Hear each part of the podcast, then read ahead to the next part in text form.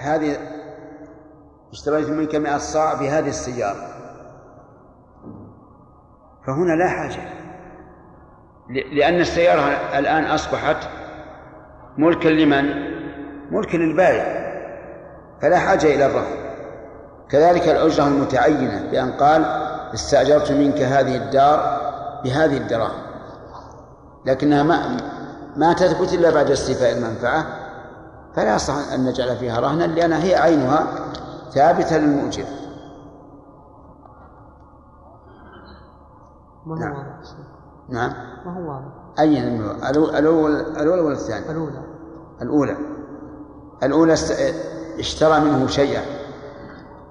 اشترى منه شيئا بثمن مؤجل. هذا الثمن المؤجل هي هذه السيارة عينها لكن لا لا يسلمها إلا بعد سنة. لأنها ثمن مؤجل. نقول لا حاجة للرهن. هنا لأن نفس العين نفس الثمن معين وسيبقى للبائع ملكا له. لكن لا يجب تسليمه على المشتري إلا إذا تمت المدة. نعم. وقياس هذا أنه لا يصح الرهن بالأعيان المضمونة كالمغصوب والعارية والمقبوض على وجه السوم. لتعذر استيفاء العين من الرهن وإن جعله بقيمة والصواب جواز هذا جواز ال- الرهن بالأعيان المضمونة كالمغصوب. فلو أن رجلا أقر بالغصب وقال إنه قد غصب السيارة الفلانية قال أدني إياه. قال الآن ما حاضر آتي لك آتي بها بعد أسبوع بعد عشرة أيام. فقال لا أطلقك حتى ترهنني شيئا. فما المانع؟ لا مانع في الواقع لأن الأصل الضمان. كذلك العارية العارية سبق أن أنها على المذهب من الأعيان المضمونة بكل حال. فإذا جاء إنسان وقال أطلب أعرني كذا وكذا فقال لا أعيرك إلا إذا رهنتني. فكلام المؤلف يقول لا يصح الرهن والصواب أنه يصح. وكذلك يقال في المقبوض على وجه السوم آه، لا يصح الرهن فيه والصواب أنه يصح. فعلى هذا يكون الرهن صحيحا سواء وثق آه، لدين أو وثق لعين. وهذا هو هو الأرجح. فالأعيان المضمونة لا بأس أن يكون فيها رهن. والديون في الذمم لا بأس أن يكون فيها رهن. نعم. كيف إذا وثق بعين مضمونة طيب إذا تلفت. يأخذ من الرهن. يأخذ من الرهن. نفس الرهن يباع.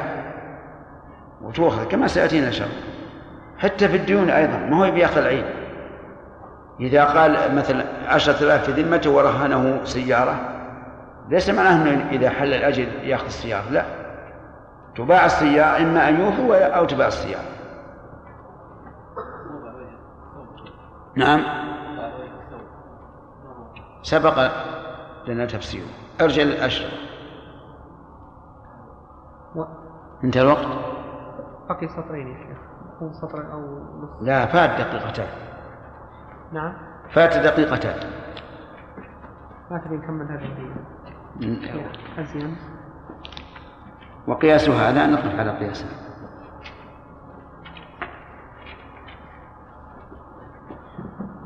الأنبياء والمرسلين نبينا محمد وعلى آله وأصحابه أجمعين.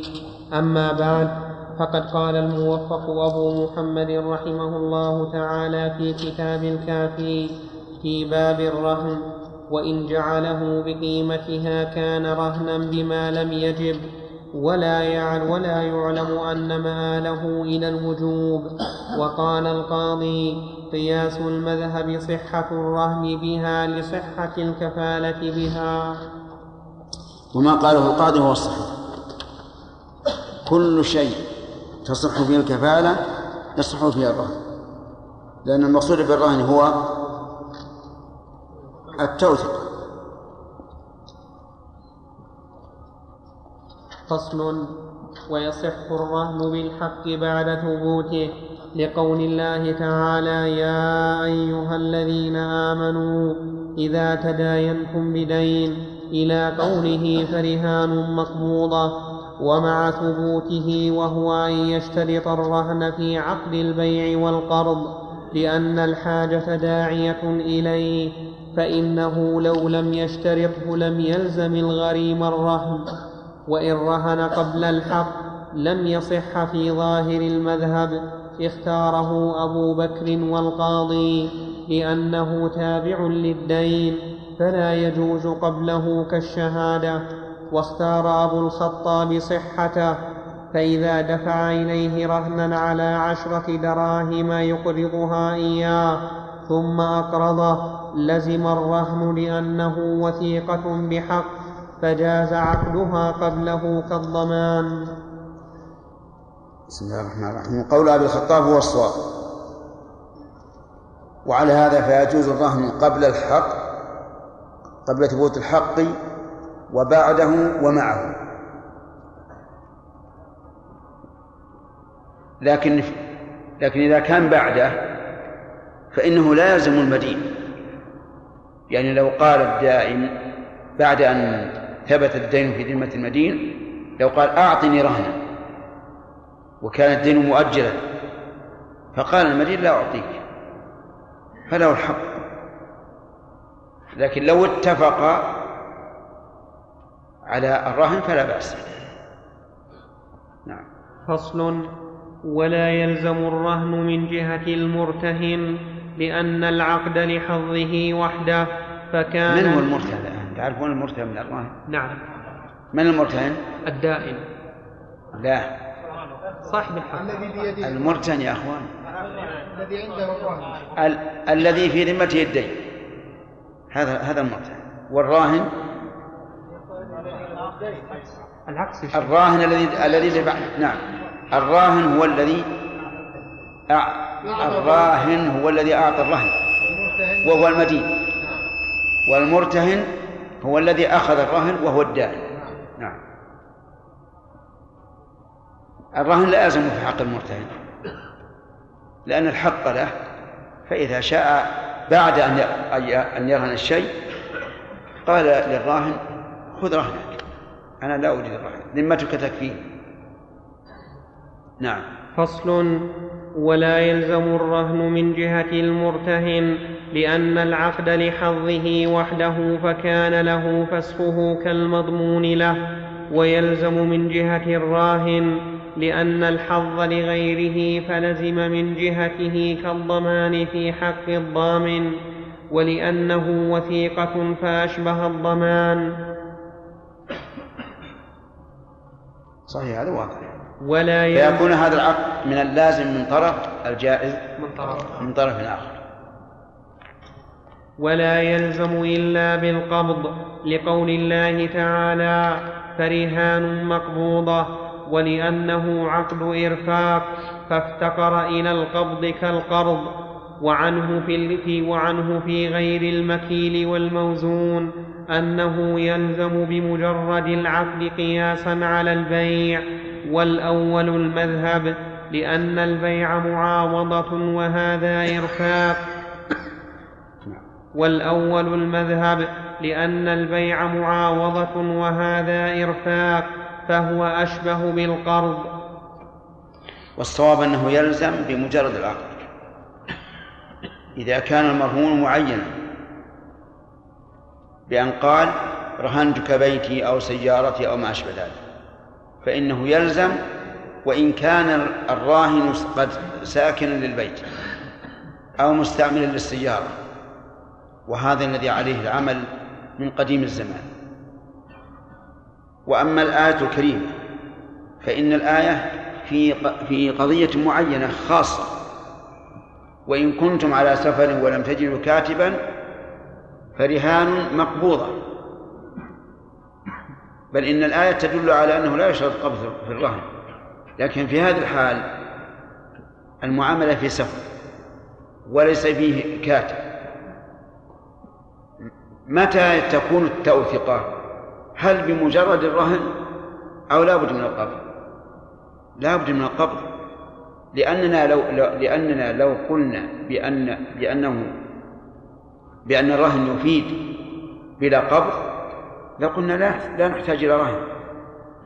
لأن لأن المدين ما دمنا واثقين منه ما نحتاج إلى رهن. أو ما فهمت؟ إذن الآية ليس فيها دليل. لأن الآية في قضية معينة. تداينا في سفر. وطلب صاحب الدين رهنا. فقال المدين فقال المدين أرهنك سيارتي. ولكن السيارة معه. لا يستفيد لأنه لو كان يريد أن يثق به في دين لم في رهن لم يقبضه لوثق به من الأول ولا احتاج إلى رهن. فلا فلا تتم التوثقة في هذه الصورة إلا إلا بقبض الرهن. والله سبحانه وتعالى أرشدنا إلى شيء نتوثق به. ولا يمكن أن نتوثق في هذه الصورة إلا بالقبض. فالصواب أن القبض ليس ليس شرطا للزوم ويدل على ذلك عموم قول الله تعالى يا أيها الذين آمنوا أوفوا بالعقود. وهذا عقد الرهن على عليه فيجب عليه الوفاء به ولا فرق بين أن يكون مكيلا أو موزونا أو غيرهما.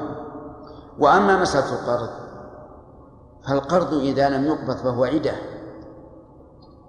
إذا قال أنا أقرضتك مثلا مئة ريال ولم يسلمه إياه فهذه عدة. والعدة على المذهب لا يلزم الوفاء بها كما لو أراد أن يتصدق بدراهم جعلها في يده يتصدق بها على فقير ثم لما رأى الفقير هون يجوز أو لا يجوز؟ يجوز. لأنه ما قبض. الفرق الفرق بين القرض وبين الرهن واضح جدا. الرهن المقصود به التوثقة وهي حاصلة سواء قبض أو لم يقبض لكن لا نشك نحن أن من كمال التوثقة أن أن يقبضه هذا لا إشكال فيه. لكن إذا كان لم يقبضه وكان الرهن واضحا مثل أن رهن الإنسان بيته وهو ساكن فيه المذهب لا يلزم لا يلزم الرهن ويجوز لصاحب البيت أن يبيع البيت وأن يتصرف فيه بما شاء. ولو أننا قلنا بهذا القول لفسدت معاملة الناس. أكثر الناس الآن يرهون يرهنون بيوتهم وسياراتهم وهم ساكنون في البيت مستعملون للسيارة. فلو قلنا إن هذا الرهن لا يلزم تلاعب الناس. قال أرهنك بيتي ومئة ألف ثم إذا إذا فارق المجلس إيش؟ باع البيت. هذا غير صحيح. المهم أن الصواب أنه لا أنه لازم بالعقد. والجواب عن الآية أن الله سبحانه وتعالى ذكر أعلى التوثقة في سورة معينة والدليل على الوجوب على لزومه بالعقد قوله تعالى يا أيها الذين آمنوا أوفوا بالعقود. نعم. وإذا كان الرهن في يد الراهن لم يجز قبضه إلا بإذنه لأنه له قبل القبض فلا يملك المرتهن إسقاط حقه بغير إذنه كالموهوب. وإن كان في يد المرتهن فظاهر كلامه لزومه بمجرد العقد. يعني كلام الإمام أحمد. يعني على المذهب إذا كان الرهن بيد الراهن والراهن هو المطلوب. أليس كذلك؟ بلى. رهنه. لما تم الرهن قال أعطنا الرهن. أعطنا الرهان. أنا ما ما أثقك ولا آمنك قال ماني معطيك إياها يقول المؤلف ما يمكن يقبضها إلا بإذنه وموافقته. وهذه مشكلة. يعني إذا قال ما ما ما أعطيك إياه يحتاج إلى المرافعة عند القاضي.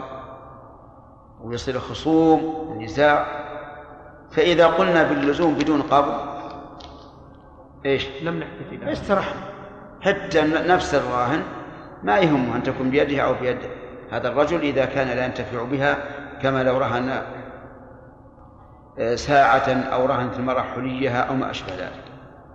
نعم.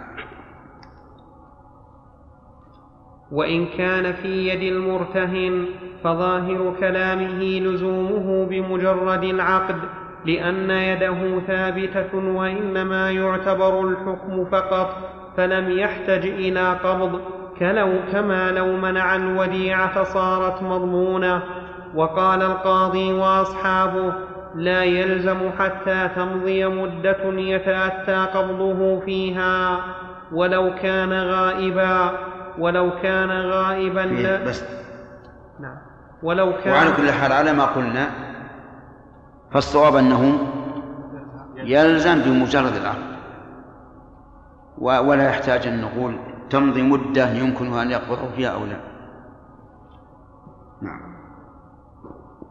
وقال القاضي وأصحابه لا يلزم حتى تمضي مدة يتأتى قبضه فيها ولو كان غائبا. لا ي... لو لو كان هذا مبتدا كلام. سم شيء ولو كان ولو كان غائبا لا يصير مقبوضا. ولو كان غائبا لا يصير مقبوضا حتى يوافيه هو أو وكيله. ثم العبارة عندك هكذا مخطوطة.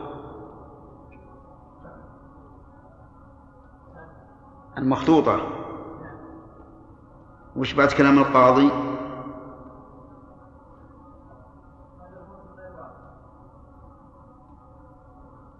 ما هو واضح الخط؟ طيب.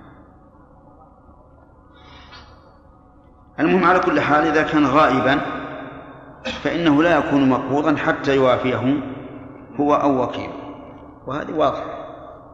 بس إن كلمة ولو كأني أرى أن أن يجعل بدلها وإن. لا بس هذه مفرعة على كلام القاضي ولو كان غائبا لو على على ما هي عليه. نقرأ.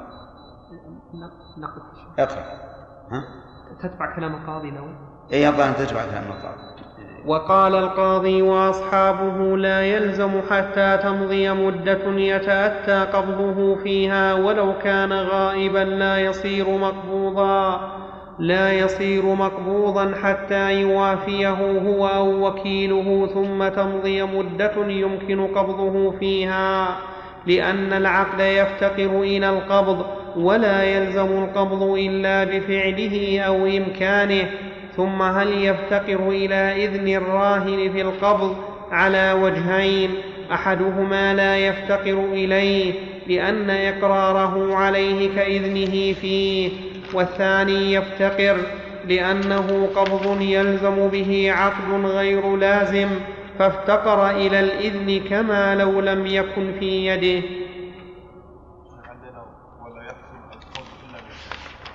نعم. اي وهو كذلك. عندي ولا يلزم. ولا إيش؟ يلزم. يلزم. لا ولا يحصل. لا يحصل. نعم. شيخ بارك الله فيكم. على اشتراط القبض هناك إشكال. يعني كما في السفر مثلا زيد وعمر سافر إلى م- مكان معين واقترض زيد من عمرو مبلغ. نعم. على أن يرهنه سيارته. نعم.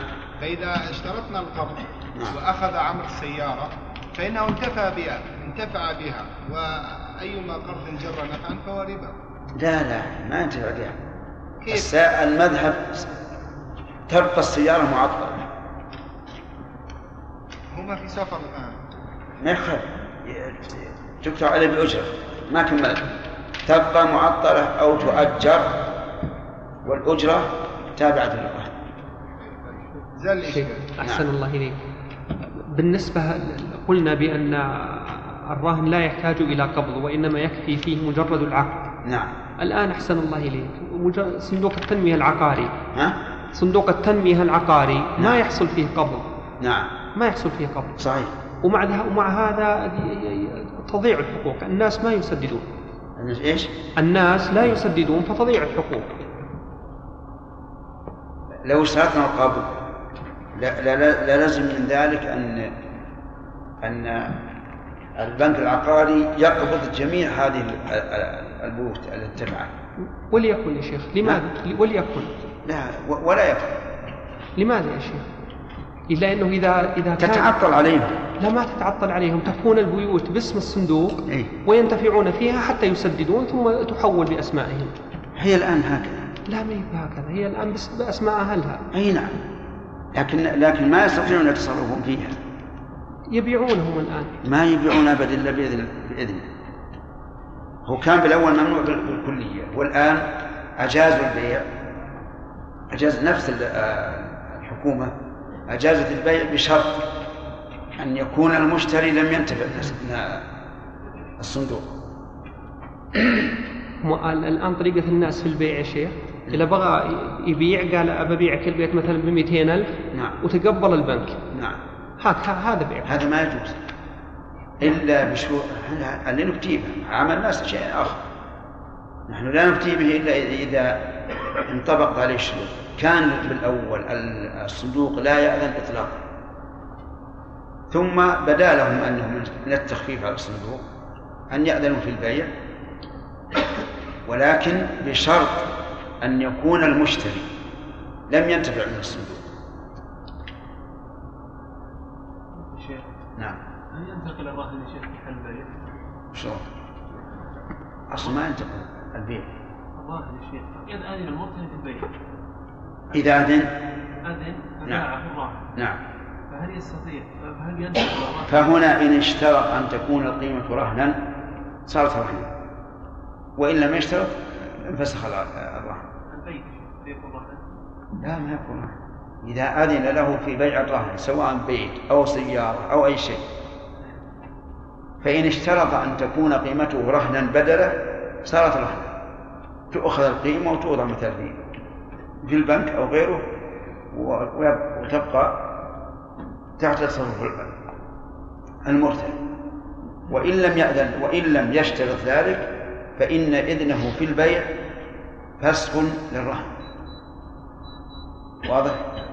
أذن في القبض ثم رجع عنه قبل القبض أو قبل مضي مدة يتأتى القبض فيها لما في يده فهو كمن لم يأذن لأن الإذن قد زال. هكذا قال المؤلف رحمه الله ولكن سبق لنا أن القبض ليس ليس بشرط. وإذا لم يكن شرطا صار صار فرض هذه المسألة لا حاجة له لكن على. و... لكن على القول بأنه شرط نقول هل يجوز أن يمتنع من الإذن بعد أن أذن أو لا والجواب لا يجوز لأنه لما أذن صار كال- كالعقد المشروط فيه القبض فلا يجوز له أن يرجع نعم وإن أذن فيه ثم جن أو أغمي عليه زال الإذن لخروجه عن كونه من أهله ويقوم ولي المجنون مقامه. إن رأى الحظ في القبض أذن فيه وإلا فلا. وفي الإغماء إذا زال الإغماء يأذن من جديد. وإن تصرف الراهن في الرهن قبل قبضه بعتق أو هبة أو بيع أو جعله مهرا بطل الرهن لأن هذه التصرفات تمنع الرهن فانفسخ بها. وإن رهنه بطل الأول لأن المقصود منه ينافي الأول.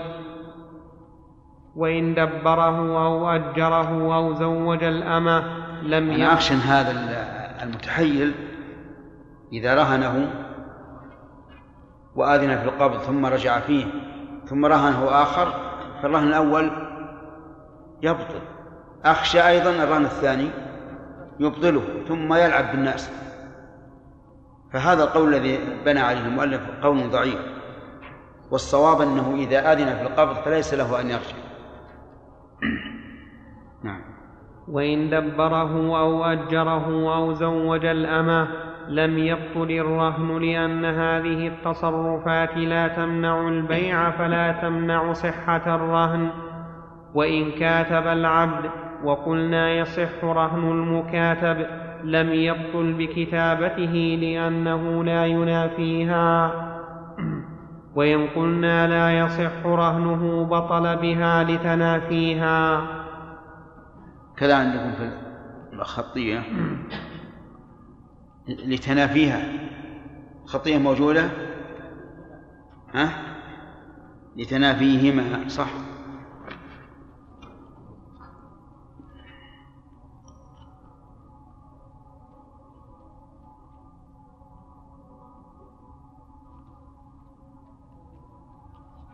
يقول لو يقرب نعم.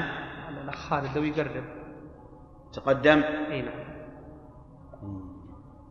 يمكن. مخطوطة يبغى يتفسح الإخوان نعم. نعم. الدرس القادم والحين. في مكان.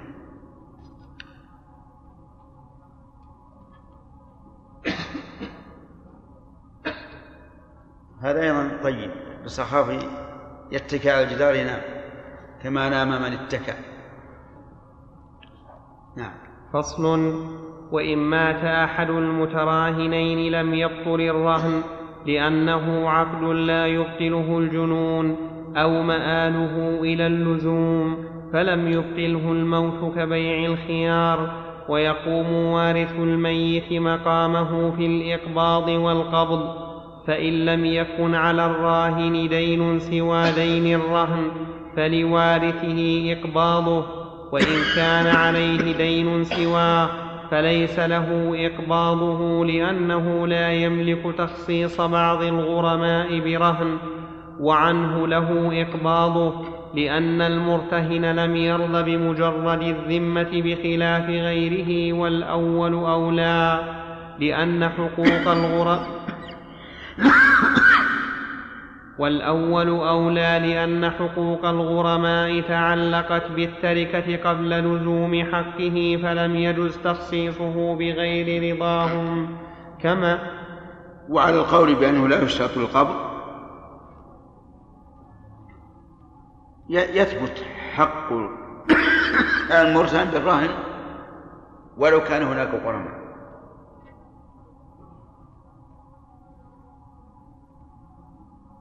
في عندك مخالفة؟ ها؟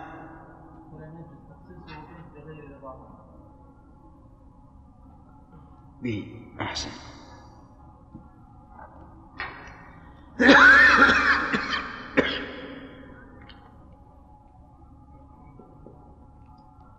فلم يجز تخصيصه به بغير رضاهم كما لو أفلس الراهن.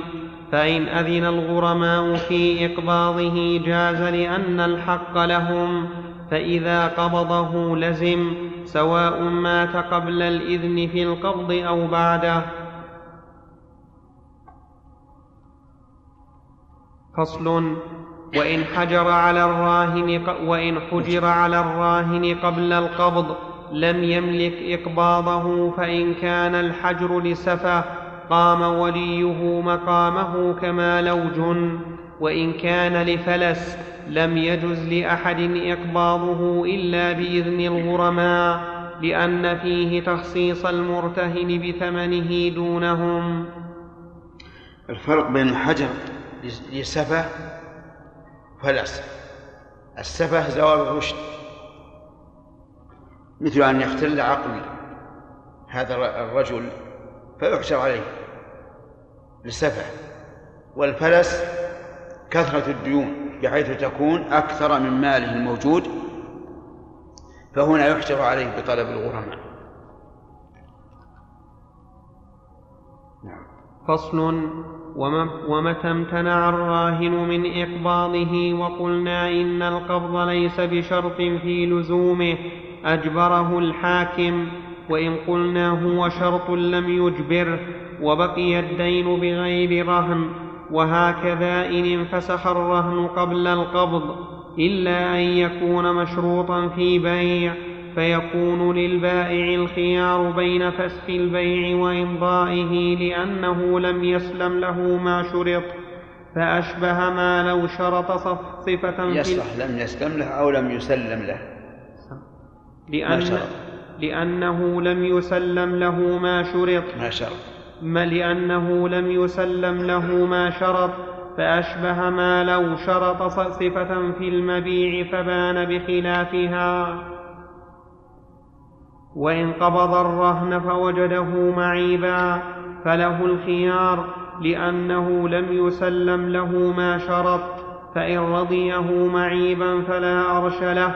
لأن الرهن إنما لزم فيما قبض دون الجزء الفائت أو لأن الرهن إنما لزم فيما قبض دون الجزء الفائت وإن حدث العيب أو تلف أو تلف الرهن في يد المرتهن فلا خيار له لأن الراهن قد وفى له بما شرطه فإن تعيب عنده ثم أصاب به عيبا قديما.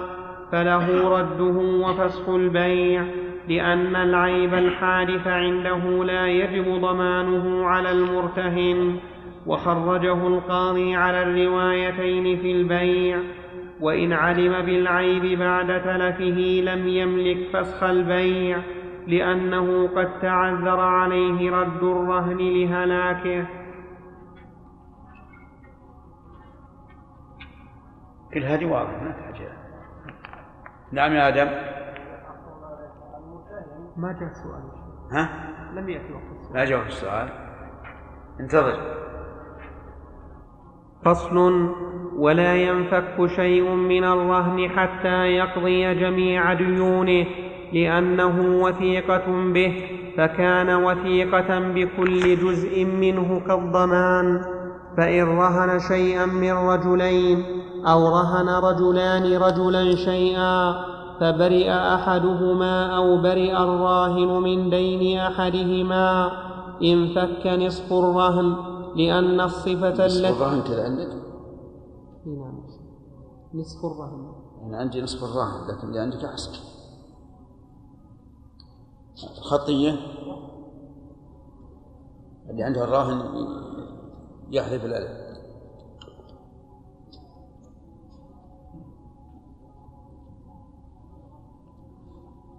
انفك نصف الرهن لأن الصفة التي في أحد طرفيها عاقدان فلا يقف انفكاك أحد. الصواب لأن الصفقة كما هي عندنا في النسخة.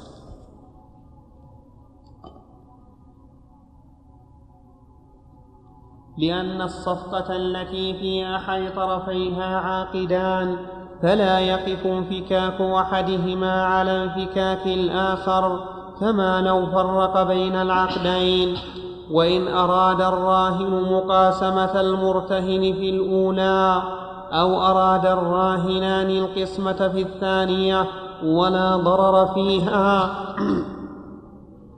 أو أراد الراهنان القسمة في الثانية ولا ضرر فيها كالحبوب والأدهان أجبر الممتنع عليها. وإن كان فيها ضرر لم يجبر عليها كغير الرهن ويبقى الرهن مشاعا. نعم. عاقدان نسخة ثانية. نعم. ماشي.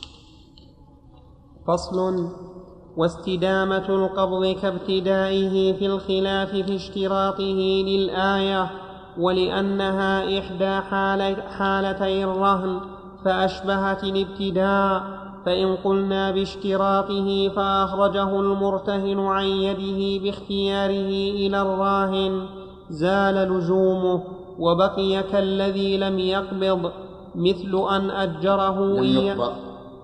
وبقي كالذي لم يقبض.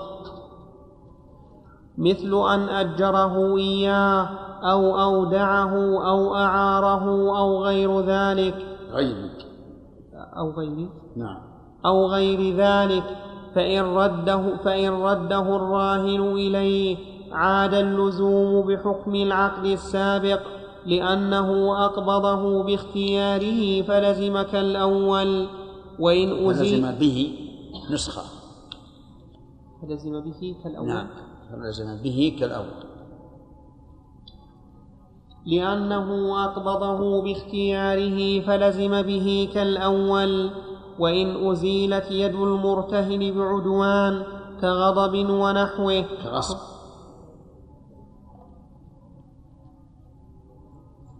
وإن أزيلت يد المرتهن بعدوان كغصب ونحوه فالرهن بحاله لأن يده ثابتة حكما فكأنها لم تزل. أو وهذه ربما يكون فيها خديعة.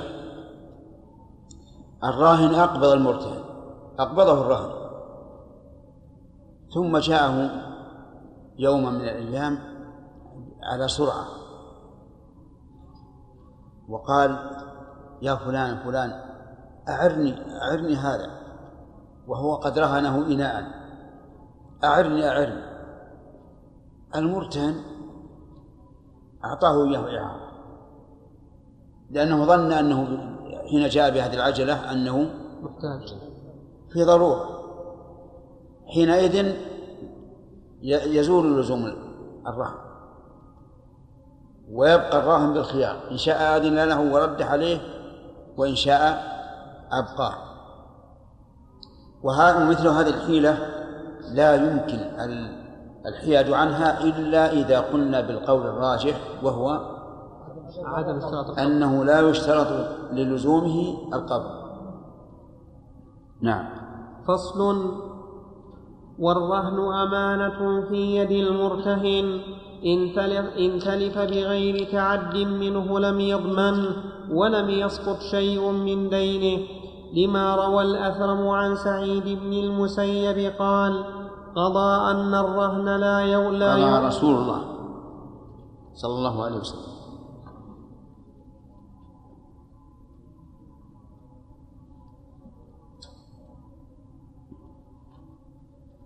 قضى رسول الله صلى الله عليه وسلم أن الرهن لا يغلق والرهن ممن رهنه ولأنه قال وش المطبوعة؟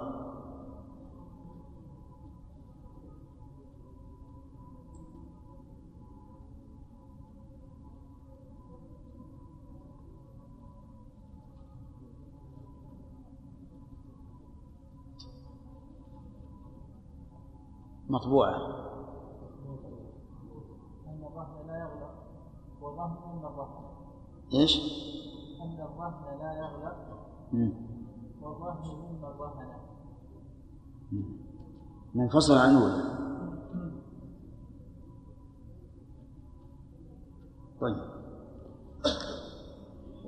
وهنا لو لو لو, لو قلنا بأنه يسقط الدين لكان أغلق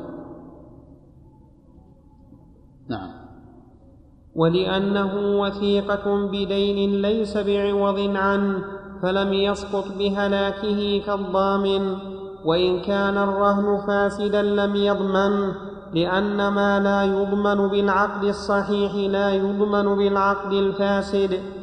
وإن وقت الرهن فتلف بعد الوقت ضمنه بأنه مقبوض بغير عقد. وإن رهنه مغصوبا وإن رهنه مغصوبا لم يعلم به المرتهن فهل للمالك تضمين المرتهن؟ فيه وجهان. أحدهما لا لا يضمنه لأنه دخل على أنه أمين. والثاني يضمنه لأنه قبضه من يد ضامنة. فإذا ضمنه رجع على الراهن في أحد الوجهين لأنه غره. والثاني لا يرجع لأن التلف حصل في يده فاستقر الضمان عليه. وقاعدة المذهب في هذا أنه له أن يضمن هذا وهذا لكن يستقر الضمان على الراهن. لأنه هو الذي غصبه وهو بيد المرتهن أمانة.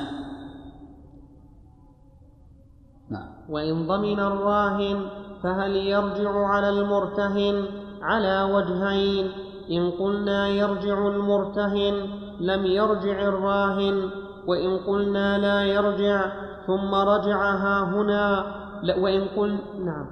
وإن قلنا لا يرجع ثم رجعها هنا وإن انفك الرهن بقضاء أو إبراء بقي الرهن أمانة لأن قبضه حصل بإذن مالكه لا لتخصيص القابض بنفعه.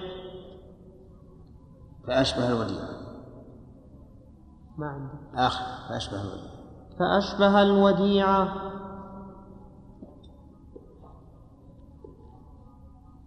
رحمهم الله. ما ما أبقوا للقضاة شيء. كل شيء مذكور الآن. الله رحمه الله. نعم.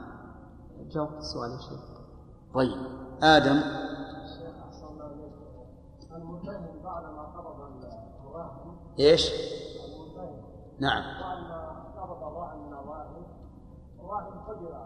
بفلس نعم.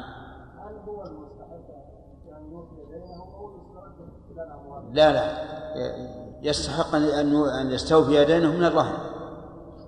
لأن الرهن الآن رهن صحيح وقبضه المرتهن فصار لازما.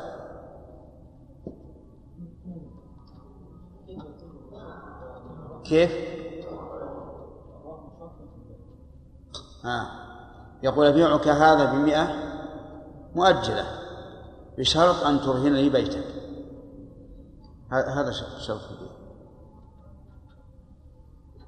نعم. فصل. إذا حل الدين فوفاه الراهن انفك الرهن وإن لم يوفه وكان قد أذن في بيع الرهن. بيع واستوفي الدين من ثمنه وما بقي فله وإن لم يأذن طولب بالإيفاء أو بيعه فإن أبى أو كان غائبا فعلى الحاكم ما يراه من إجباره على البيع أو القضاء أو بيع الرهن بنفسه أو بأمينه والله أعلم. لأن هذه فائدة الرهن. فائدة الرهن أنه إذا حل الدين ولم يوفه يباع الرهن ويستوفى من ثمنه. نعم. على من يعود الضمير أو بيع الرهن بنفسه أو بأمينه على الحاكم على الراهن؟ نعم. كيف؟ الضمير يا شيخ يعود على الحاكم أو المرتهن؟ أي. أو بيع الرهن بنفسه أو بأمينه؟ أو أو بيع بيع. أو بيع الرهن. فعل الحاكم ما يراه من إجبار على البيع أو القضاء يعني قضاء الدين أو بيع الرهن بنفسه. الحاكم. أمين الحاكم نعم. وإذا يبيع فلا بأس. نعم. باب ما يصح رهنه وما لا يصح. يصح رهن كل عين يصح بيعها. لأن مقصود الرهن الاستيثاق بالدين باستيفائه من ثمنه عند تعذر استيفائه من الراهن وهذا يحصل مما يجوز بيعه ويصح رهن المتاع لأنه يجوز الظاهر المشاع المشاع مشاع في الشين بدل المتاع؟ بدل المتاع.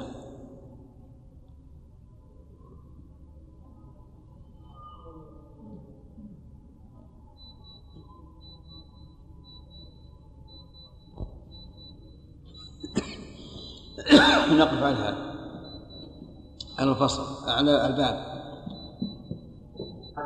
وقد قال الموفق أبو محمد رحمه الله تعالى في كتاب الكافي في باب الرهن باب ما يصح رهنه وما لا يصح. يصح رهن كل عين يصح بيعها. لأن مقصود الرهن الاستيثاق بالدين باستيفائه من ثمنه عند تعذر استيفائه من الراهن. وهذا يحصل مما يجوز بيعه. بسم الله الرحمن الرحيم. أما ما لا يجوز بيعه كما لو رهنه كالبصيد فإنه لا يصح الرهن. مع أن كلب الصيد ربما يكون عند صاحبه الراهن أغلى من من الآلاف. لكن يقولون لا يصح بيعه لا يصح رهنه لماذا؟ لأنه لا, لا, يباع. ما فائدة المرتهن؟ لو أنه لو رهن ولده الصغير. قال أعطيك ولدا رهنا. أيضا لا يصح لأن الولد لا يمكن بيعه. فلو قبل لكان معناه أنه يغذي له ولده مجانا. نعم. ويصح رهن المتاع لأنه يجوز بيعه فجاز رهنه كالمفرد. المشاع صح. نعم. ويصح رهن المشاع لأنه يجوز بيعه فجاز رهنه كالمفرز ثم إن اتفقا المفرز يعني الذي أفرز من غيره. يعني قسم يشبه كلمة المقسوم نعم. ثم إن اتفقا على جعله في يد المرتهن أو يد عدل وديعة للمالك أو بأجرة جاز. وإن اختلفا جعله الحاكم في يد عدل وديعة لهما أو يؤجره لهما محبوسا قدر الرهن للمرتهن محبوسا قدر الرهن للمرتهن. وإن رهن نصيبه من جزء من المشاع مما لا ينقسم جاز. وإن جازت قسمته احتمل وإن جازت قسمته احتمل جواز وإن جازت قسمته احتمل جواز رهنه لأنه يصح بيعه واحتمل أن لا يصح لاحتمال أن يقتسما فيحصل فيحصل المرهون في قصة الشريك. والصواب والجواز بلا شك. ويصح رهن العبد المرتد والجاني. لأنه يجوز بيعهما وفي رهن القاتل في المحاربة وجهان بناء على بيعه.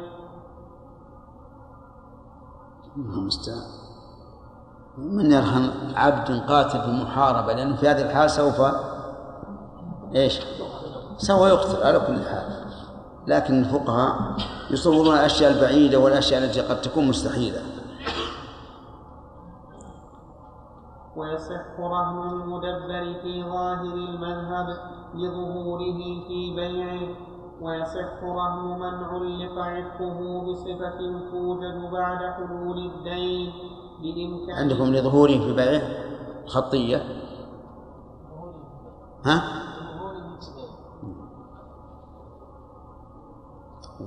نعم. ويصح رهن من علق عتقه بصفة توجد بعد حلول الدين لإمكان استيفائه من ثمنه.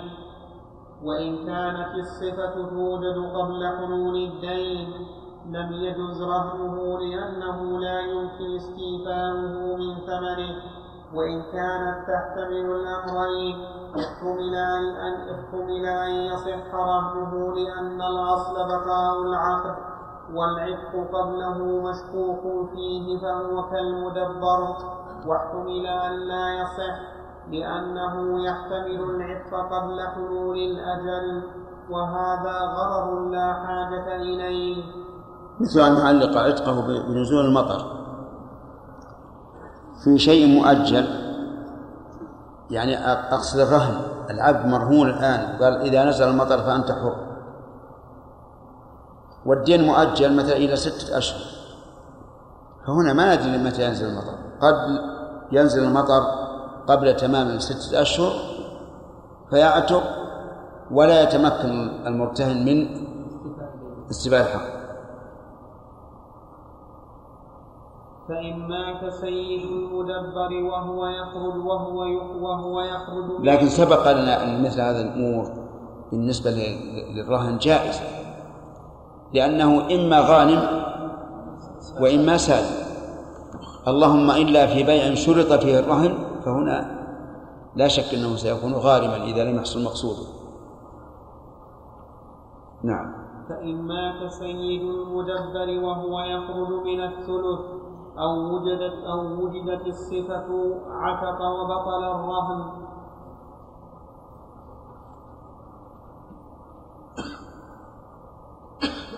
نعم. واضح. واضح؟ نعم.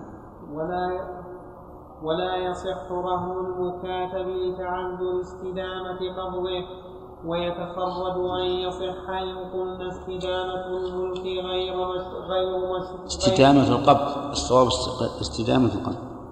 غير مشترطة. بدل ها؟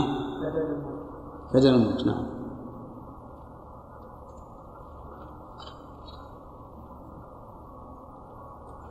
ولا يصح رهن المكاتب لتعذر استدامة قبضه ويتفرد أن يصح ويتفرد أن يصح إن قلنا استدامة القبض غير مشترطة وأنه يصح بيعه ويكون ما يؤديه من نجوم كتابته رهنا معه.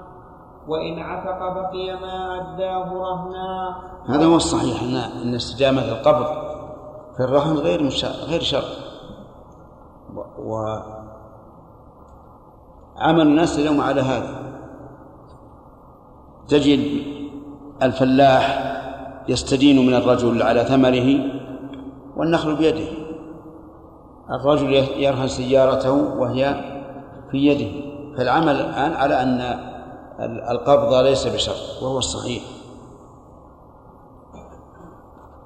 وإن عتق بقي ما أداه رهنا كالقن إذا مات بعد الكسب. وجميع هذه المعاني عيوب لها حكم غيرها من العيوب. فصل. ويصح رهن ما يسرع إليه الفساد. لأنه مما يجوز بيعه وإيفاء دينه من ثمنه فأشبه الثياب. فإن كان الدين يحل قبل فساده بيع وقضي من ثمنه وإن كان يفسد قبل الحلول وكان مما يمكن إصلاحه بالتجفيف بالتجفيف و و وإن كان يفسد قبل الحلول وكان مما يمكن إصلاحه بالتجفيف كالعنب جفف ومؤونة تجفيفه على الراهن لأنه من مؤونة حفظه فأشبه نفقة الإنسان. وإن كان مما لا يجفف فشرطا بيعه وجعل ثمنه رهنا فعل. وجعل وجعل. وجعل. وإن كان مما لا يجفف فشرطا بيعه وجعل ثمنه رهنا فعلى ذلك وإن لم يشرطا ذلك ففيه وجهان. أحدهما يصح الرهن ويباع كما لو شرطا. لأن الحال تقتضي ذلك لكون المالك لا يعرض ملك لا يعرض ملكه للتلف. فحم فحمل مطلق العقد عليه كما يحمل على تجفيف العنب. والثاني لا يصح لأن البيع والثاني لا يصح لأن البيع إزالة ملكه قبل حلول الحق فلم يجبر عليه كغيره. كذا عندك يعني بيع إزالة ملكه ولا أزال نعم وإن شرط أن لا يباع فسد وجها واحدا ولا عندك لأن في البيع نعم وإن شرط أن لا يباع فسد وجها واحدا لأنه إن وفى بشرطه لم يمكن إيفاء الدين من ثمنه وإن رهنه عصيرا صح لذلك. لأنه إيش؟ لأنه إن ولا إذا؟ عندي لأنه إن. إن وفى نعم. خليها إذا إذا أقر لكن عاد ما دعا الخطية إن. نعم طيب. لأنه إن وفى بشرطه لم يمكن إيفاء الدين من ثمنه. وإن رهنه عصيرا صح لذلك فإن تخمر خرج من الرهن لأنه لا قيمة له فإن عاد خلا عاد رهنا لأن العقد كان صحيحا فلما طرأ عليه معنى أخرجه عن حكمه ثم زال المعنى عاد الحكم كما لو ارتد أحد الزوجين ثم عاد في العدة عادت الزوجية. وإن كانت استحالته قبل القبض لم يعد رهنا لأنه ضعيف فأشبه الردة قبل الدخول. والصواب أنه أنه يعود رهنا لأن المانع زاد. وسبق أيضا أن الصحيح عدم اشتراط القبض وإذا لم يشترط القبض فكأنه استحال بعد القبض فصل و... نعم جاوبت السؤال نعم طيب. فصل ويصح رهن الثمرة ويصح ويصح رهن الثمرة قبل بدو صلاحها والزرع الأخضر مطلقا. والزرع. والزرع الأخضر مطلقا. وبشرط التبقية. لأن الغرر يقل فيه لاختصاصه بالوثيقة مع بقاء الدين بحاله بخلاف البيع. قال القاضي ويصح رهن المبيع المكيل والموزون قبل قبضه لأن قبضه مستحق للمشتري فيمكنه قبضه ثم يقبضه. وإنما منع من بيعه لئلا يربح فيما لم يضمن. وهو منهي عنه. وإن رهن ثمرة إلى محل تحدث فيه أخرى لا وإن رهنه ثمرة إلى محل محل. وإن رهنه ثمرة إلى محل تحدث فيه أخرى لا تتميز فالرهن باطل لأنه مجهول حين حلول الحق. فلا يمكن إمضاء الحق على مقتضاه عندنا الرهن. نسخة. وهي أوضح وأحسن. فلا يمكن إمضاء الرهن على مقتضاه وإن رهنها بدين الحال أو شرط قطعها عند خوف اختلاطها جاز لأنه لا غرر فيه. فإن لم يقطعها حتى اختلطت لم يبطل لأنه وقع صحيحا. عندنا نسخة يذكر الرهن جعلها نسخة فإن لم يقطعها حتى اختلطت لم يبطل الرهن لأنه وقع صحيحا. لكن إن سمح الراهن ببيع الجميع أو اتفقا على قدر منه جاز وإن اختلفا وتشاحا فالقول قول الراهن مع يمينه لأنه منكر. فصل ويصح رهن الجارية دون ولدها لأن الرهن لا يزيل الملك فلا يحصل التفريق فيه فإن احتيج إلى بيعها بيع ولدها معها. لأن التفريق بينهما محرم والجمع بينهما جائز فتعين. وللمرتهن من الثمن بقدر قيمة الجارية منه وكونها وكونها ذات ولد عيب لا وكونها ذات ولد عيب لا لأنه ينقص من ثمنها. نعم الثاني من الفصل فنحتاج مع ولده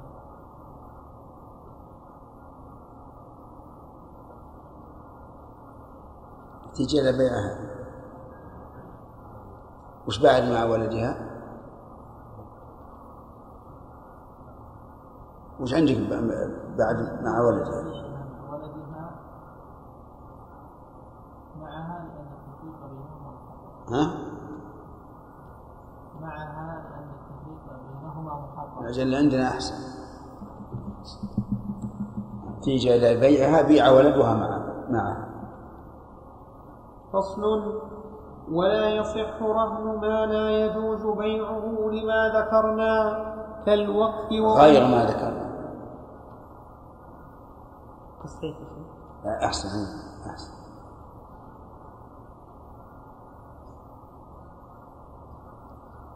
ولا يصح رهن ما لا يجوز بيعه غير ما ذكرنا كالوقف وأم الولد والكلب ما هو ما دخلنا ثمرة. وزرع قبل الاصطلاح وزرع قبل حبه ورهن الجارية بدون ولد كالوقف ولا يصح رهن ما لا يجوز بيعه غير ما ذكرنا كالوقف وأم الولد والكلب ونحوها لأنه أم الولد غير مسألة المملوكة مع الجارية. لأن المملوكة مع الجارية كلاهما. نعم كلاهما ملك. أما أم الولد فهي التي أتت بولد من سيدها والولد حينئذ حر لا يمكن بيعه. نعم. لأنه لا يمكن إيفاء الدين منه وهو المقصود ولا يصح رهن ما لا يقدر على تسليمه ولا المجهول الذي لا يجوز بيعه لأن الصفات مقصودة في الرهن لإيفاء الدين كما تقصد في البيع للوفاء بالثمن ولا رهن مال غيره وسبق أن القول الراجح في هذه الأمور الجواز. إلا في بيع شرط فيه ذلك. شرط فيه الرهن. والنظر مثل ما لا يقدر على تسليمه. إن قدرنا على التسليم فالمرتهن غانم وإن لم نقدر فليس بغالب لأن لأن ثمن المبيع مثلا لم ينقص ولم يتضرر. فمثلا إذا قال أنا أرهنك الحمام التي تطير في الجو وهي ملكه تأوي إلى إلى إلى بيتها في في آخر النهار فالمذهب لا يصح. والصواب جواز ذلك. الصواب أن هذا جائز لأنه ما في ضرر. إما أن ينتفع المرتهن وإما أن لا يتضرر. نعم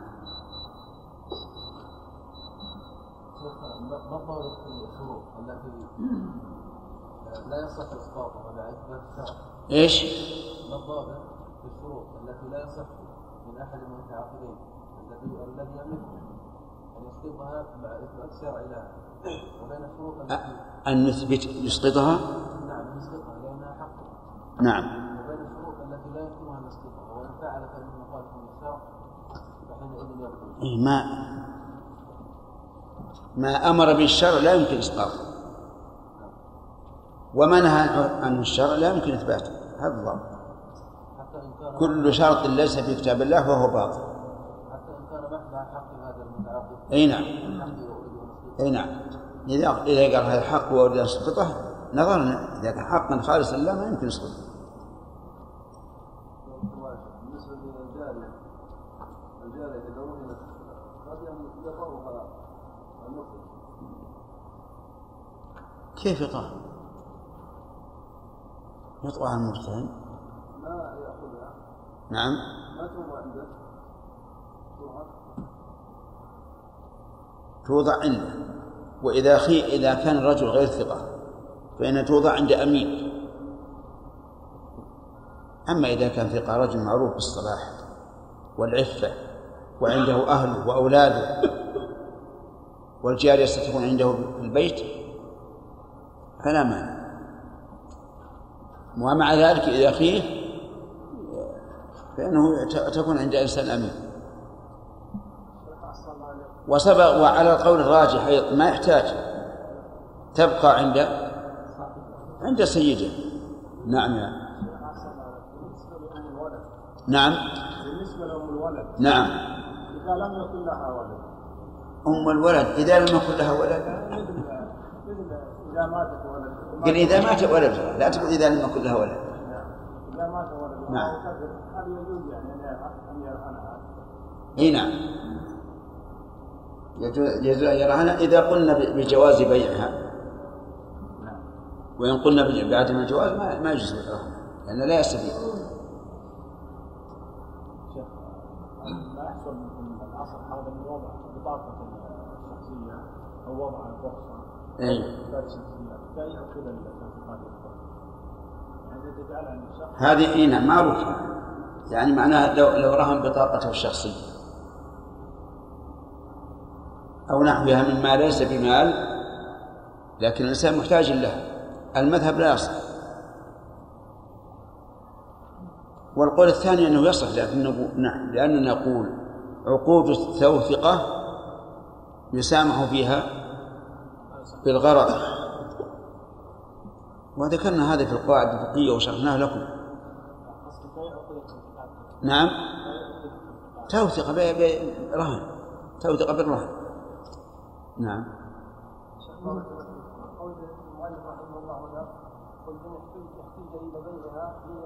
ولدها معها لأن التفريق بينهم محرم بينهما جائز إيش؟ قل لأن التفريق بينهم محرم نعم. بينهما جائز. صحيح كيف يكون التفريق محرم والجمع جائز يكون واجب أي لا يعني قصد إنه غير ممنوع. هذا- قصد. قصده غير ممنوع. معلوم أن لا يفرق بينهما واجب. نعم.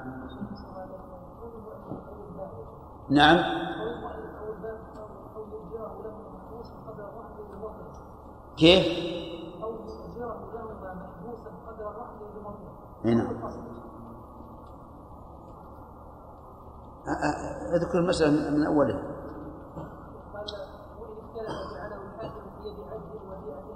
نعم. أي نعم. يؤجره الحاكم. يؤجره الحاكم لأن الرهن لا يمكن أن يكون بيد المرتهن ولا بيد الراهن إذا إذا لم يمكن ولا عاد إذا أمكن يكون بيد المرتهن وجب. نعم. إيش؟ أمهات الأولاد إذا نقف على فصل ولا يصلحونه ما يجب.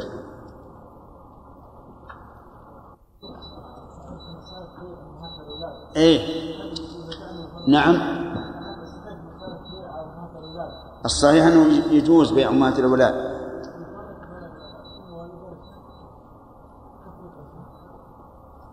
اي لكن مثل ما قال آدم إذا توفي الولد أو كبر وبلغ واستقل بنفسه.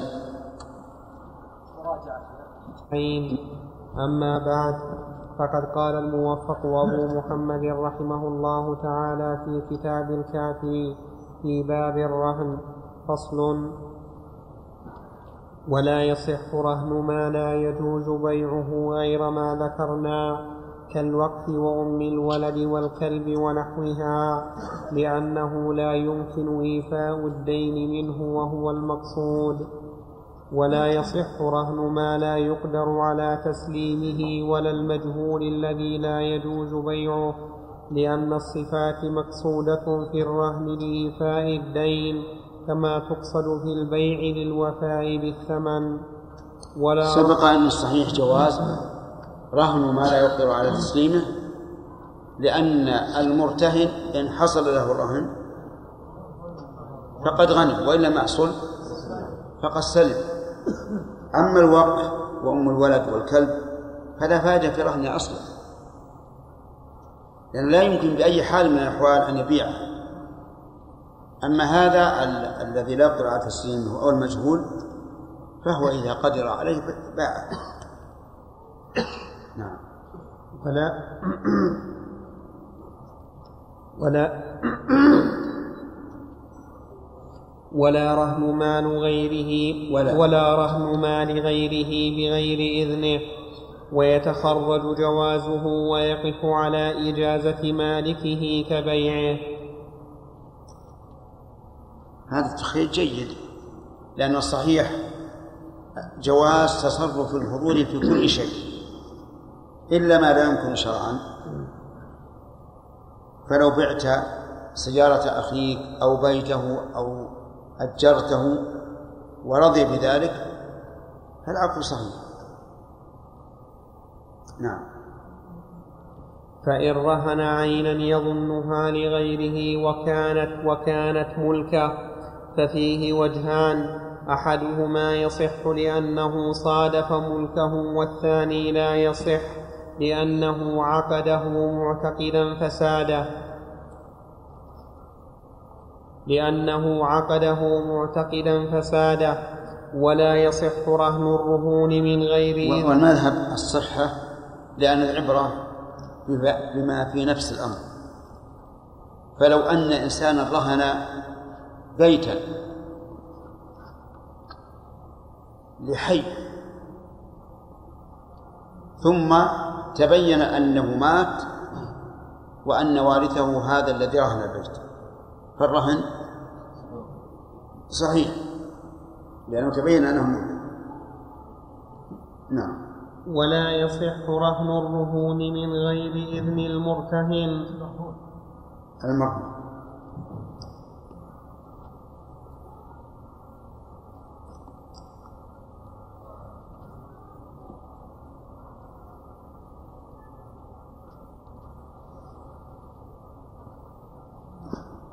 ولا يصح رهن المرهون من غير إذن المرتهن لأنه لا يملك بيعه في الدين الثاني.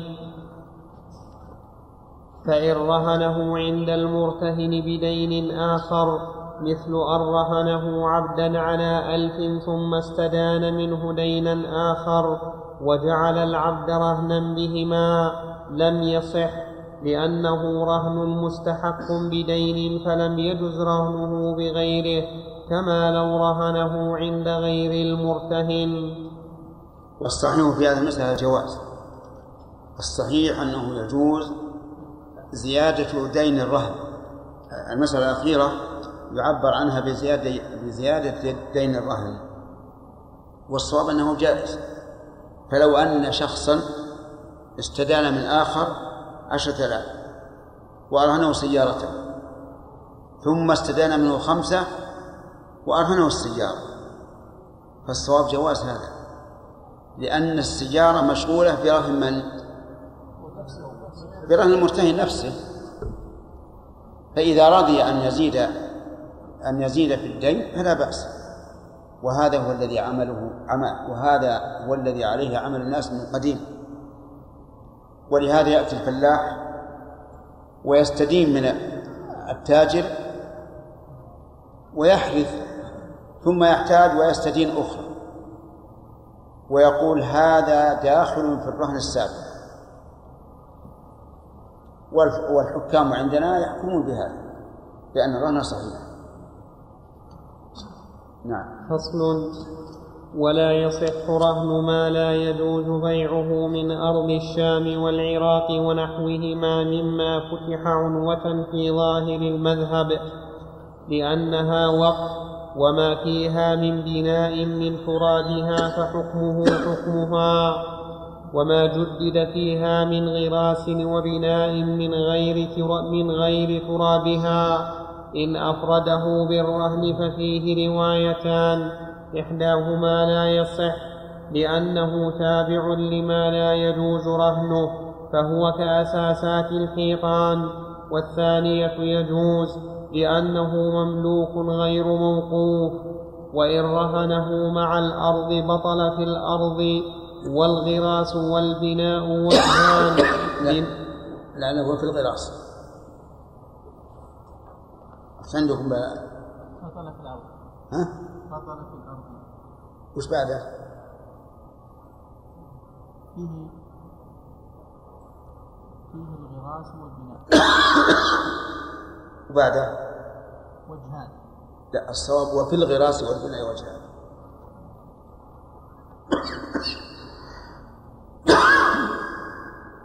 وفي الغراس والبناء وجهان بناء على تفريق الصفقة هذا أمر نسخ من زمان.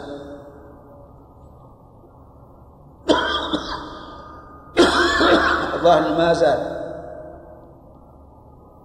أهل الشام والعراق يتبايعون الأراضي بيع المال وهو الذي عليه عمل الناس من قديم الزمان حتى من وقت الشيخ الإسلام ابن تيمية رحمه الله. نعم. فصل. نعم. غير تربتها؟ إيش؟ غير تربتها. نعم. بناء من غير تربتها. بناء. من غير تربتها.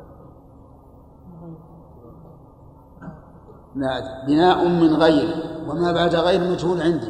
من غير ترابها. نعم. يعني يجون تراب من برا. يح- يحفرون الأرض حتى تكون مثل الخروه ويجيبون تراب من برا ويزرعون عليه. هذا غير ممكن. نعم. فصل. وفي رهن المصحف روايتان كبيعه وإن رهنه أو رهن كتب الحديث أو عبدا مسلما لكافر لم يصح لأنه لا يصح بيعه له ويحتمل أن يصح إذا شرط إذا شرطا كونه في يد مسلم ويبيعه الحاكم إذا امتنع مالكه. لأن الرهن لا ينقل الملك إلى الكافر بخلاف البيع.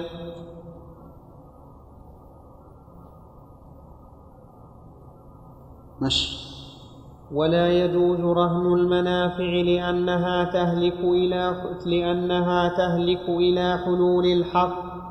ولو رهنه أجرة داره شهرا لم يصح لأنه مجهول. ولو رهن المكاتب ولو والصحيح انه يصح رهن المنافع لأنه يجوز العقد عقد العوض عليها. فتؤجر العين المرهونة وتجعل اجرتها تبع آه، وت- اجرتها رهنا. وأما قوله إن رهنه أجرة داره شهرا لم يصح ففيه نظر أيضا. لأن الغالب أن الأجرة معلومة وإذا كانت مجهولة فكما قلنا فيما سبق إن رهن المجهول صحيح. ولو رهن المكاتب من يعتق عليه لم يصح لأنه لا يملك بيعه. فصل باب ما يدخل في الرهن وما لا يدخل وما يملكه. نعم. إي نعم. شرطا كونه في يد مسلم. لا لابد يتفق لابد أن يتفقا على ذلك. ولا فالأصل أن يكون بيد المرتهن نعم. من عندك شرطا في الألف نعم. عندي لأنه لا يملك بيعا هم؟ لأنه لا يملك بيعا آخر كلمة. لا يملك بيعا آخر كلمة وين عندنا كلام؟ هي عندنا لا يملك بيعا عندي لأنه يملك بيعا آه.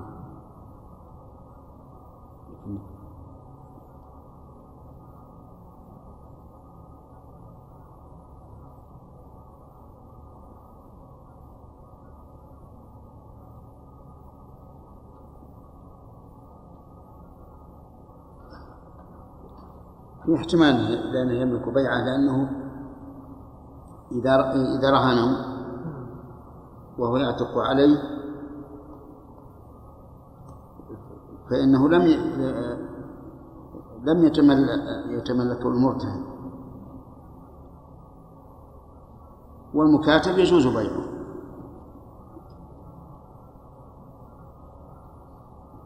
صح لأنه يملك بيع أحسن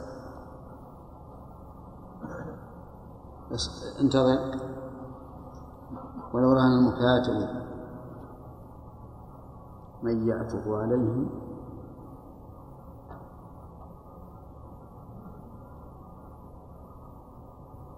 تحتاج إلى مراجعة. لا تراجع. اسمح لي راجع راجع.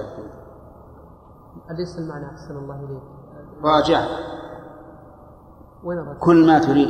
راجع فيها تجدها في المغني ولا في الشرح الكبير؟ لا بد أن يتكلموا عليه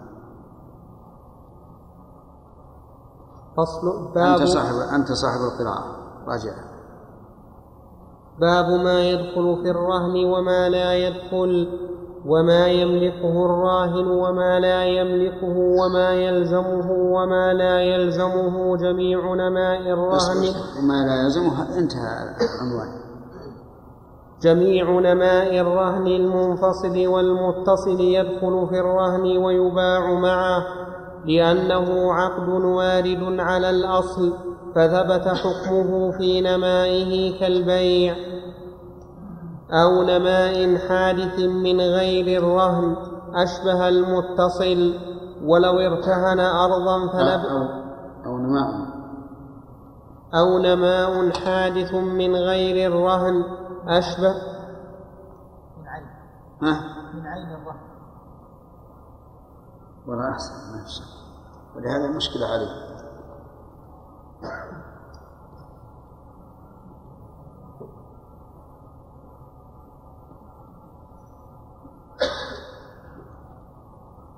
نعم أو نماء حادث من عين الرهن أشبه المتصل. ولو ارتهن أرضا فنبت فيها شجر دخل في الرهن لأنه من نمائها سواء نبت بنفسه أو بفعل الراهن ويدخل فيه الصوف واللبن الموجودان والحادثان لدخولهما في البيع. وإن رهنه أرضا ذات شجر أو شجرا مثمرا فحكمه في ذلك حكم البيع. وإن رهنه دارا فخربت فأنقاضها رهن لأنها من أجزائها. وإن رهنه شجرا لم تدخل أرضه في الرهن لأنها أصل فلا تدخل تبعا. هذا ما لم يكن العرف على خلافه العرف عندنا إذا قال رهنه نخلة أو باع عليه نخلة أو أو ما أشبه ذلك يريدون النخل والأرض. فإذا كان العرف على خلاف ما قاله الفقهاء فإنه يأخذ به إذا كان مضطردا. نعم. فصل ولا يملك الراهن التصرف في الرهن باستخدام ولا سكنى ولا إجارة ولا إعارة ولا غيرها بغير رضا المرتهن. ولا يملك المرتهن ذلك بغير رضا الراهن. فإن لم يتفقا على التصرف كانت منافعه معطلة تهلك تحت يد المرتهن حتى يفك لأن الرهن عين محبوسة على استيفاء حق فأشبهت المبيع المحبوس على ثمنه. وإن اتفقا على إجارته أو إعارته جاز في قول الخرقي وأبي الخطاب لأن يد المستأجر والمستعير نائبة عن يد المرتهن في الحفظ فجاز كما لو جعلاه في يد عدل. ولا فائدة في تعطيل المنافع لأنه تضييع مال نهى عنها النبي صلى الله عليه وسلم عنه. وقال أبو بكر لا يجوز إجارته. فإن فعلا بطل الرهن لأن الرهن يقتضي الحبس عند المرتهن أو نائبه فمتى وجد عقد يقتضي زوال الحبس بطل الرهن. وقال ابن أبي موسى إن أجره المرتهن أو أعاره بإذن الراهن جاز وإن فعل ذلك الراهن بإذن المرتهن فكذلك في أحد الوجهين. وفي الآخر يخرج من الرهن. لأن المستأجر قائم مقام الراهن فصار كما لو سكنه الراهن. وعلى قول الراجح أنه لا يشترط قبل نقول إذا تصرف فيه الراهن تصرفا لا يؤثر على الرهن فصحيح. كالإجارة مثلا. الإجارة لا شك أنها من صالح الطرفين من صالح الراهن ومن صالح المرتهن. أما كونها من صالح الراهن فلأنه قد يأخذ قد تكون هذه الإجارة تقضي دينه أو بعضه. وأما كونه من صالح المرتهن فلزيادة التوثقة.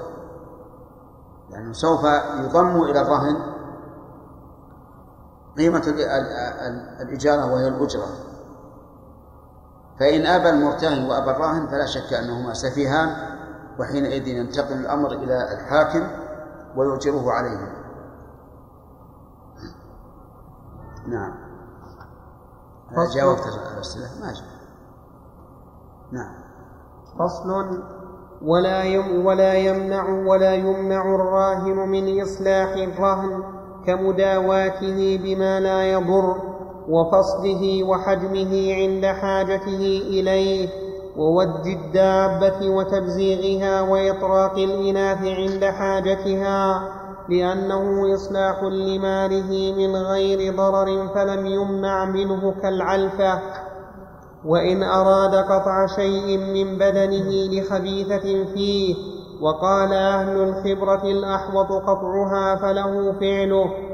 وإن ساووا الخوف في قطعها وتركها فامتنع أحدهما من قطعها فله ذلك لأن فيه خطرا بحقه. وإن أراد قطع شيء من بدن لخبيث خبيثة فيه وقال أهل الخبرة الأحوط قطعها فله فعله لأنه من مصلحة الطرفين. وإن ساووا أهل يعني أهل الخبرة الخوف في قطعها وتركها فامتنع أحدهم من قطعها فله ذلك. علل لأن فيه خطرا بحقه. نعم.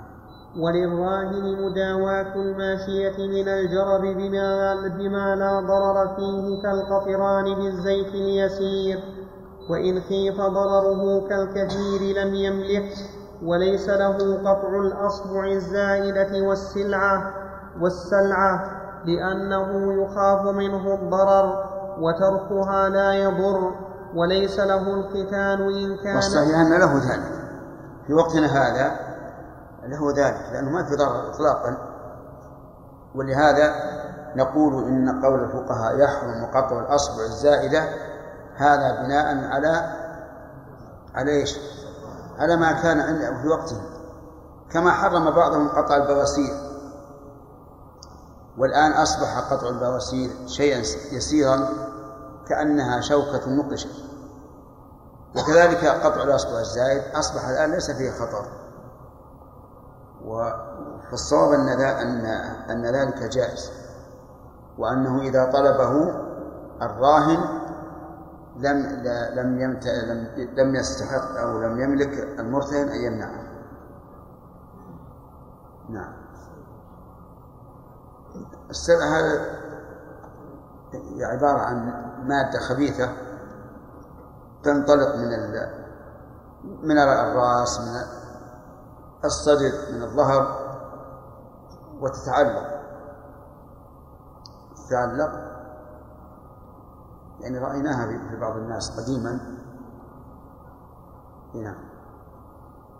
وليس له الختان إن كان لا يبرأ منه قبل محل الحق لأنه ينقص ثمن لأنه ينقص ثمنه وإن كان يبرأ قبله والزمان معتدل لم يمنع منه لأنه يزيد به الثمن ولا يضر المرتهن.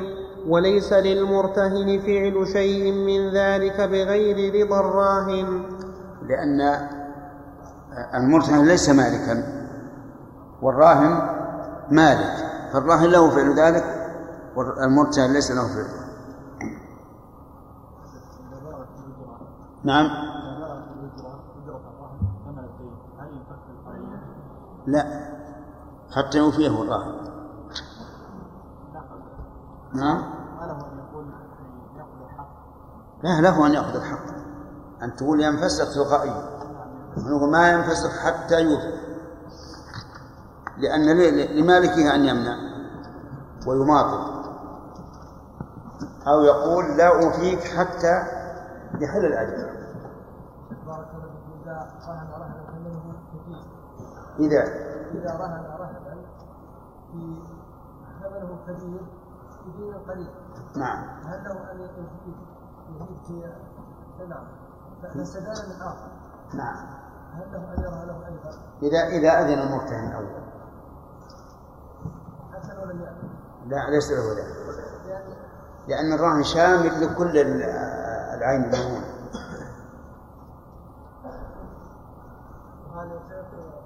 وإن رهنه دارا فقدمت فأنقاضها رهن نعم. هذا الدار هل تباع؟ إذا لم يمكن الانتفاع بها للبيع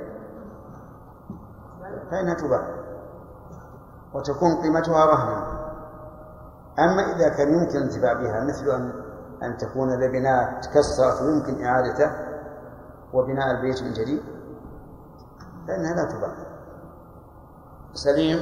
والله عنك إذا رهن إنسان رهن على إنسان وكان رهن سيارة ما رهن سيارة إذا رهن شخص سيارة. واصطدمت السيارة في يد إيش؟ اصطدمت السيارة نعم جاء عليها نقص يكثر منها الراهن ولا ما يكثر؟ أصلا المرتهن المرتهن سلمك الله ما يمكن يستعملها إلا بإذن الراهن لأن الراهن الراهن يقدر يستعملها المرتهن يقدر يستعملها ولا ما يستعملها؟ ما يستعملها والنقص اللي يحدد منها بعد الراهن لا لا لا لا هي على المرتهن ولا ولا على تطبقها على حالة. مثل لي مثلا السيارة أعطاها زيد عمرو الرهن. أي نعم. ها وبعدين؟ بعدين اصطدمت السيارة في يد عمرو. ولا في يد زيد؟ في يد عمرو. طيب. مشي. إن هي لم يأخذ من نقص السيارة. هي معلوم. يأخذها من عمرو. لا شك. إذا كان إذا كان هذا بتفريط منه فيأخذها. لكن إذا أخذها صارت رهنا مثل هذه السيارة قدرت نقصها خمسة آلاف. تؤخذ خمسة آلاف من المرتهن وتكون رهنا.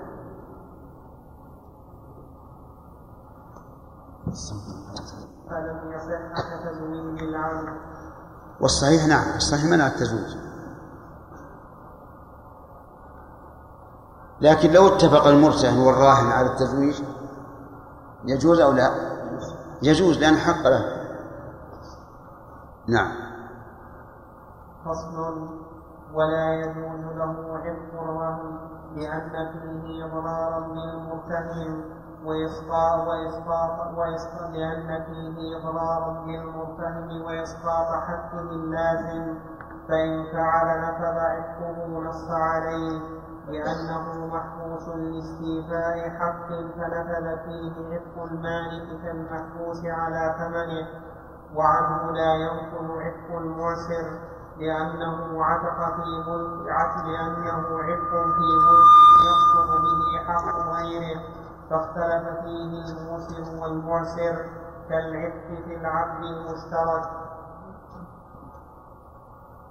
فإن أعتق فإن أعتق فإن أعتق الموسر فعليه قيمته تجعل مكانه رهنا لأنه أبطل حق الوثيقة بغير إذن المرتهن فلزمته قيمته كذا عندك المخطوطة. تعليم. وعنه لا ينفذ عتق المؤسر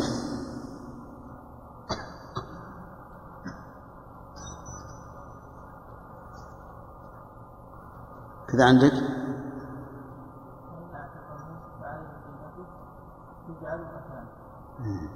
إيه، طيب.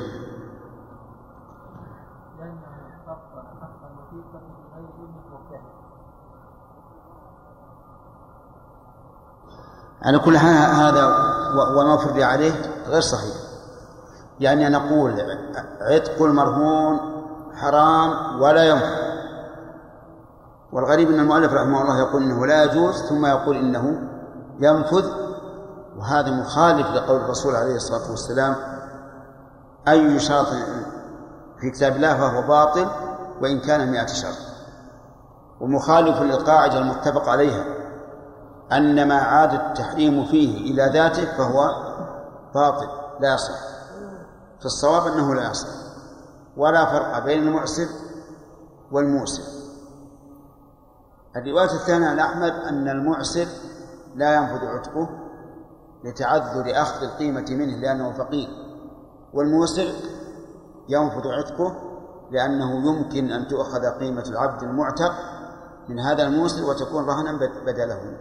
والصواب أنه لا يعتق لا لا الموسر ولا المعسر يعني لا عتق الموسر ولا عتق المعسر نعم. فإن أعتق المعسر فالقيمة في ذمته إن أيسر قبل حلول الحق أخذت منه رهنا وإن أيسر بعد حلول الحق طولب به خاصة لأن ذمته تبرأ به من الحقين معا.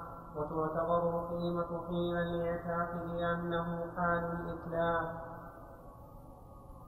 والمؤسر سبق أنه على المذهب تكون القيمة في إيش؟ في ذمة المؤسر نعم. فصل. وليس للراهن وطء الجارية وإن كانت لا تحبل لأن من حرم وطئها يستوي فيه من تحبل ومن لا تحبل كالمستبرأة فإن وطئ فلا حد عليه لأنها ملكه. فإن نقصها لكونها بكرا أو أفضاها فعليه ما نقصها إن شاء جعله رهنا وإن لكونها بكرا وأفضاها الله عشان أو أفضاها ما هو واضح. فعليه ما نقصها إن شاء